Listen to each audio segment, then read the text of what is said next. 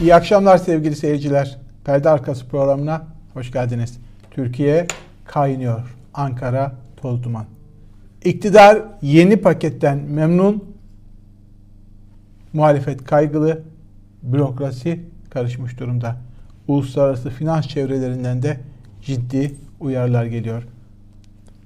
İlk olarak Sayın Erdoğan'ın yeni e, paketin ardından yaptığı açıklamalar, değerlendirmeler, yandaş medyanın değerlendirmelerine bakarsanız hedef tutmuş gözüküyor. Doları düşürmek istedikleri noktaya getirdiklerini söylüyorlar. Erdoğan'ın açıklamaları var. Kurun dengeye oturması sadece bankada parası olan değil, herkesi ilgilendiren bir konu diyor. Ama sadece bankada parası olana dolar getirisi verecekler diğer e, ücretliye, çiftçiye, emekliye vermeyecekler. Bu ayrı bir tartışma. Ama madem doların dengede olması bu kadar önemliydi, faizlerle niye oynadınız? Ya da faizleri talimatla düşürüp şimdi önü açık sınırsız bir faiz vaadinde niye bulundunuz? Hepsi tartışılabilir şeyler. Ama şunu gösteriyor iktidar memnun. Sadece o da değil. Gözlerimin içine bakın. Ekonominin halini görmek için diyen Bakan Nebati de memnun. Döviz kurunda köpüklerin gittiğini, gerçek fiyatlamanın oluştuğu bir noktaya gidiyoruz diyor. Ama dediği rakam doların sıçramaya başladığı rakamın %50 üstünde. Demek ki böyle bir şey planlıyorlarmış.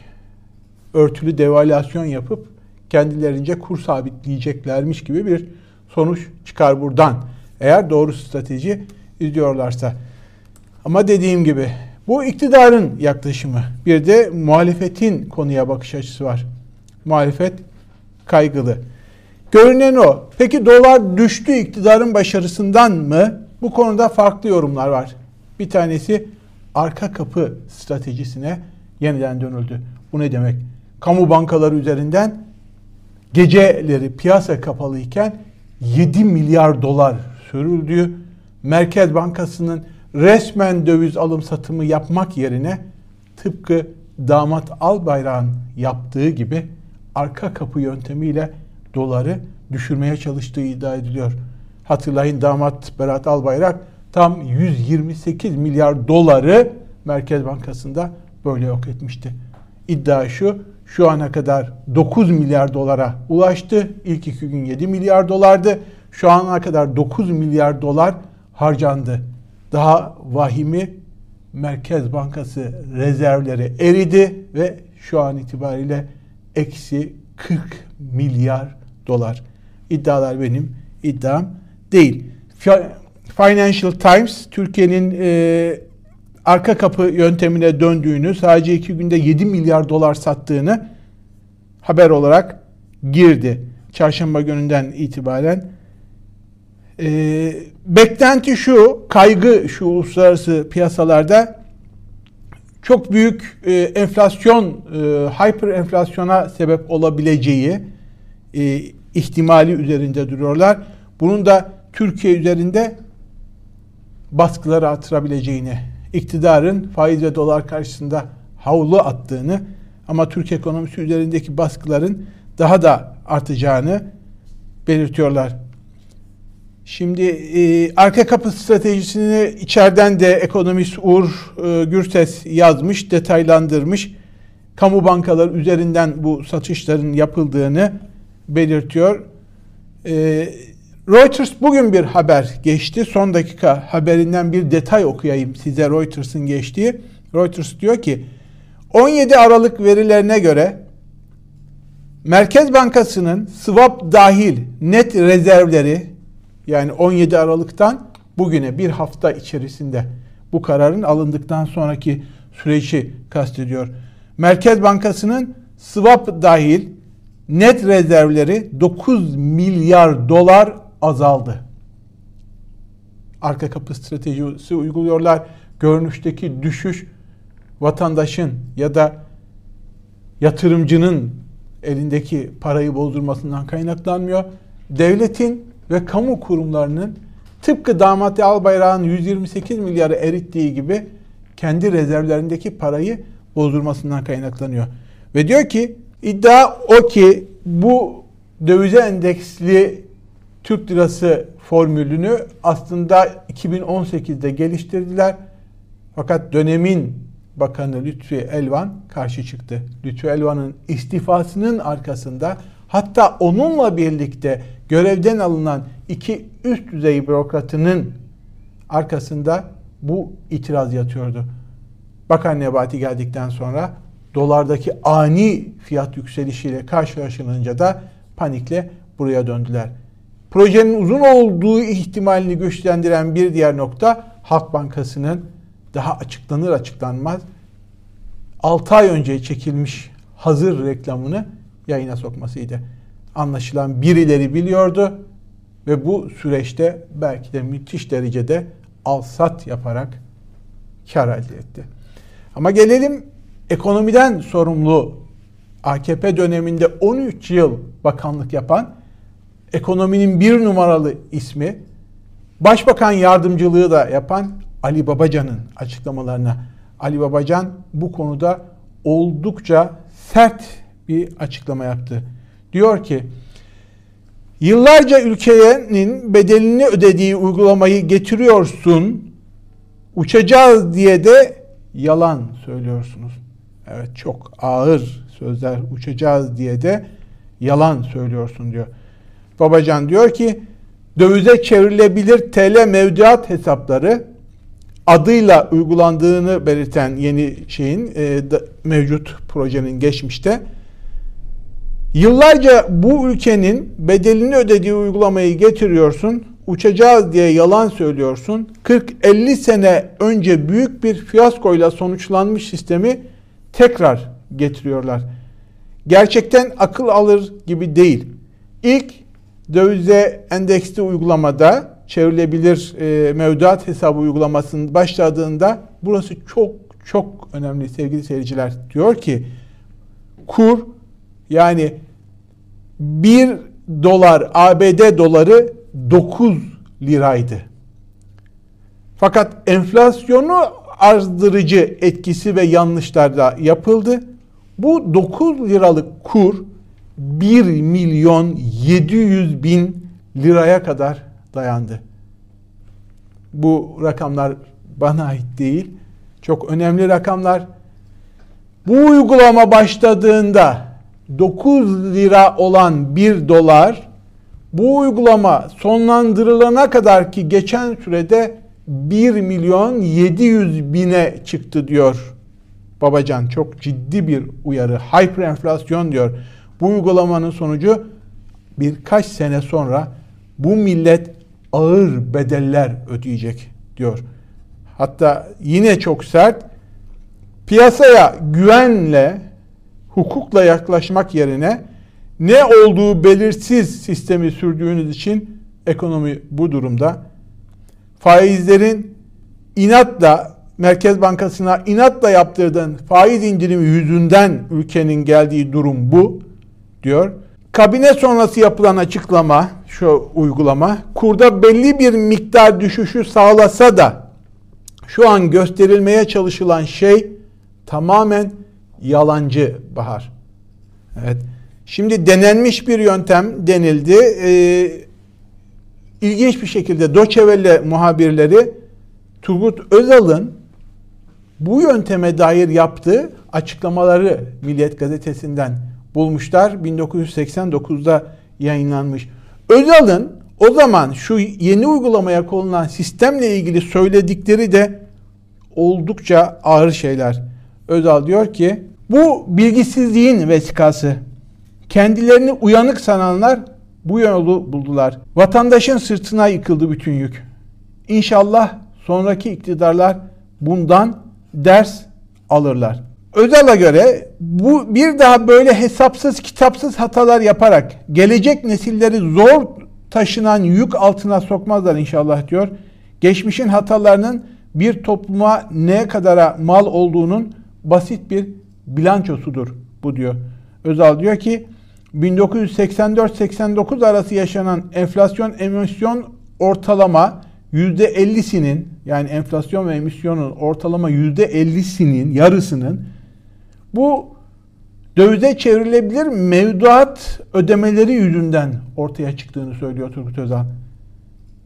Benim memurum, işçim, esnafım diyenler dövize çevrilir mevduatın yükünü vatandaşın sırtına yıktılar diyor. 1970'li yıllarda Türkiye'nin bir sente o meşhur 70 sente muhtaç geldiği yıllarda şu an olduğu gibi Merkez Bankası eksiye inmiş. Yıllarda kendilerini akıllı uyanık sananlar böyle bir yol buldular. Tam 221 bankaya borçlandık. Türkiye bunları ödeyemedi diyor Özal. Özal diyor ki yine her ailenin geliri yılda 1 milyon lira daha fazla olacaktı. Eğer bu hatalı uygulamaya geçilmemiş olsaydı.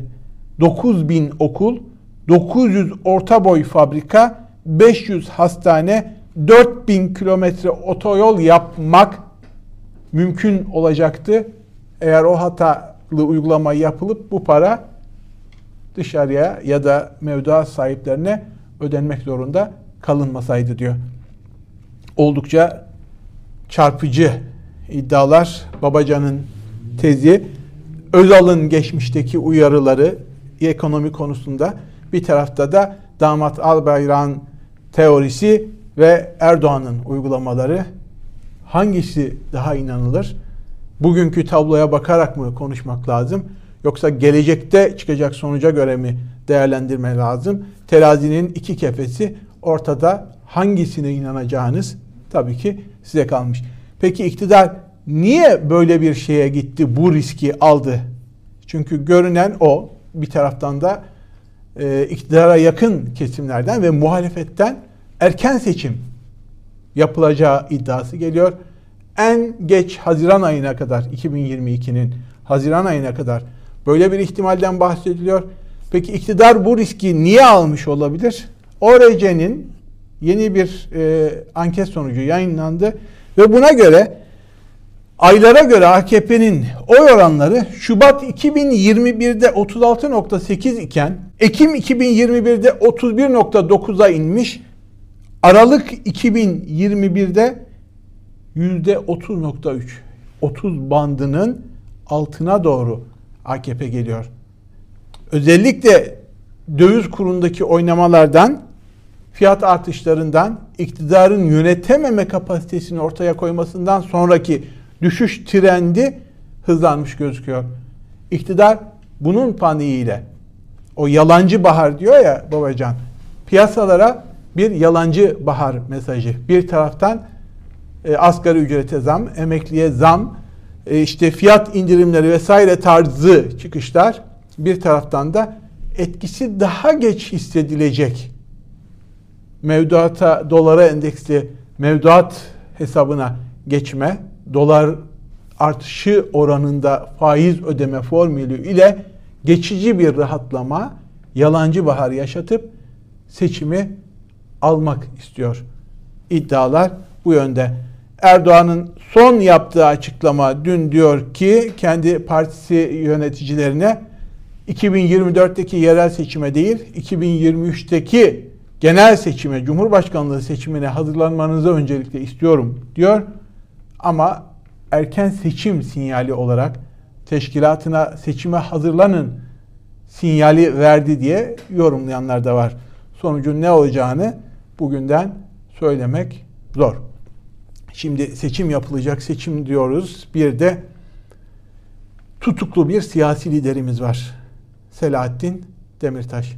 Demirtaş'ın siyaset yasağının olup olmayacağına dair ya da ne zaman olacağına dair Anayasa Mahkemesi karar aşamasında. Selahattin Demirtaş Anayasa Mahkemesi'ne bir mektup göndermiş. İlgi çekici bir mektup. Çok da uzun değil. Müsaade ederseniz o mektubu okuyarak yayını sonlandırmak istiyorum. Demirtaş mektubunda diyor ki Sayın Başkan, Anayasa Başkanı ve değerli üyeler, iddianameye karşı kapsamlı hukuki savunmayı avukatlarım mahkemenize sunacaklar. Ben sadece birkaç cümleyle düşüncelerimi arz etmek istiyorum. Kürt, Zaza, Müslüman, başı kapalı, yoksul bir kadın doğurdu beni. Anamın bütün kimlikleri bu coğrafyada sonu, sorun olarak görüldüğünden ben de benzerlerim gibi doğuştan ve mecburen siyasetçiyim. Kürt olma kimliği, Zaza olma kimliği, Müslüman ve başı kapalı olma kimliği, yoksul olma kimliği, kadın olma sorunu hepsi annesinde toplandığı için Yargıtay Cumhuriyet Başsavcılığı siyaseti koltuk, makam, mevki ve parti üyeliğinden ibaret sanıyor. Demirtaş'a yasağı isteyen makam. Bana siyaseti yasaklayabileceğini iddia ediyor. 5 yıldan fazla süredir siyasi rehine olarak tutulduğum, esir olarak tutulduğum yüksek güvenlikli bir cezaevi hücresinde beyaz bir plastik sandalyeden başka koltuğum da makamım da olmadı. Ancak yine de dışarıdayken ne kadar siyasetçiysem içeride de o kadar siyasetçi olduğumu rahatlıkla belirtebilirim. Siyaset yapmak için altın varaklı koltuklara ve saraylara gerek yoktur. Erdoğan'a gönderme yapmış. Önemli olan nerede olduğunuz değil, yüreğinizin nerede ve kimler için attığıdır. Benim yüreğim her daim yoksul, emekçi, halkımızın mazlum yüreğiyle birlikte artıyor. Halkımızın yüreğinin de benimle birlikte attığını biliyorum. Bana siyaset yapma zeminini sağlayan en önemli etken de budur. Ve ilginç bir temenni ve istekle bitiriyor mahkemeden. Diyor ki, şayet mahkemeniz bana siyasi yasak getirirse kararın son cümlesi olarak şunu yazmanızı arz ve talep ediyorum. Siyasi yasak, yasak getiriyoruz ama bir işe yaramayacağı, yarayacağından da emin değiliz. Evet, siyasi yasak getiriyoruz ama bir işe yarayacağından da emin değiliz. Nüktedan siyasetin Türkiye'deki en iyi isimlerinden, son dönem yaşayan en iyi isimlerinden birisiydi. Zekayla siyaset yapan bir siyasetçi Demirtaş tutuklu. Biz de onun Anayasa Mahkemesi'ne gönderdiği mektubu halk da görsün, sizler de duyun istedik. Evet, bir perde arkası programını daha burada sonlandırıyoruz. Yeni bir perde arkasında buluşmak dileğiyle. Hoşçakalın diyorum.